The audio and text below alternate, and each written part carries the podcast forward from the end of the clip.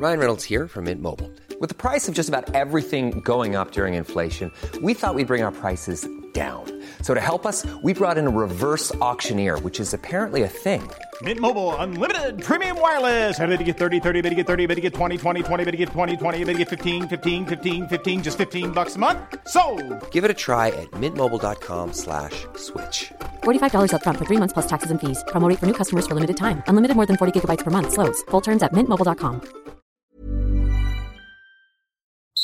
Sommaren kom och nu ska den snart gå. Det märker man inte minst genom svepets olika stadier. Gugge har kokat sin sista spiksoppa för det här året. Om en vecka har den första Premier League-omgången, den första Ligue 1-omgången och den första spanska spelats. Italien och Tyskland kommer igång veckan efter och sen är det full jävla patte igen. Visst, äntligen kan man börja längta efter jul, Boxing Day Football och bättre än så, Kalle Halvardssons premiär i skidspåret.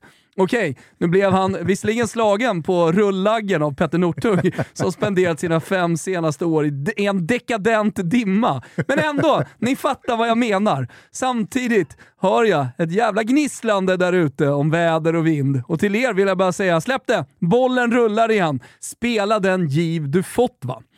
Och det är väl lite det jag får göra här eftersom bollarna som spelats är få. I Allsvenskan till exempel har vi bara fått tre matcher under helgen. På lördagen spelade BP och Värnamo en jämn tillställning där Värnamo drog det längsta strået. Jag vet inte om jag har jinxat BP, men sen jag lämnade klart för Allsvenskan 24 så har det ju gått käpprätt åt helvete för Grimsta-gänget. Det finns dock något i spelet. Det finns en grundtrygghet som lag under inte har, så jag väljer att fortsatt se det som klart. Yes, BP spelar allsvensk fotboll även nästa säsong. Om Sirius gör det låter jag vara osagt. Jag tror det. Samma logik som nyss avhandlats. Sämre lag finns, så att säga. Big Dick vaknade och det blev torsk mot Elfsborg efter den matchen mot AIK ni minns.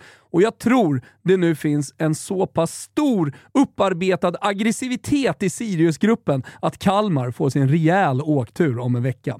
AIK gnuggar på med sitt raka 4-4-2 och Henning Berg ser av allt att döma ut att lösa kontraktet. 1-1 mot Kalmar var i underkant tycker jag, men räcker också gott.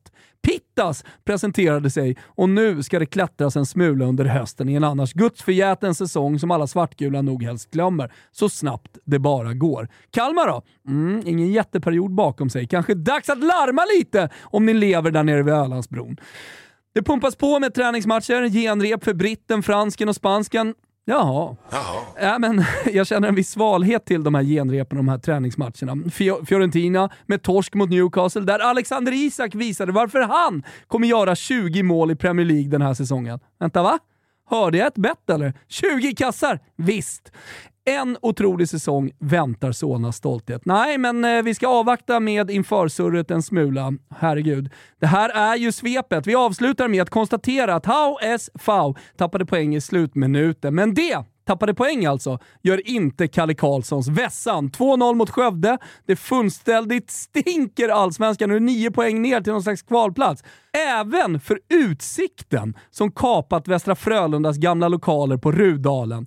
Äh, men ni hör ju, Rudalen, Västra Frölunda, Utsikten och så med Gais på lite häng kring kvalplatsen och Blåvitt i allsvensk bottenstrid. Götlaborg! Det är här i Götlaborg det händer i höst hörni. Mon Dieu. Och just det, jag har inte glömt det du sa precis Gusten. Community Shield till Arsenal är en signal eller bara en match.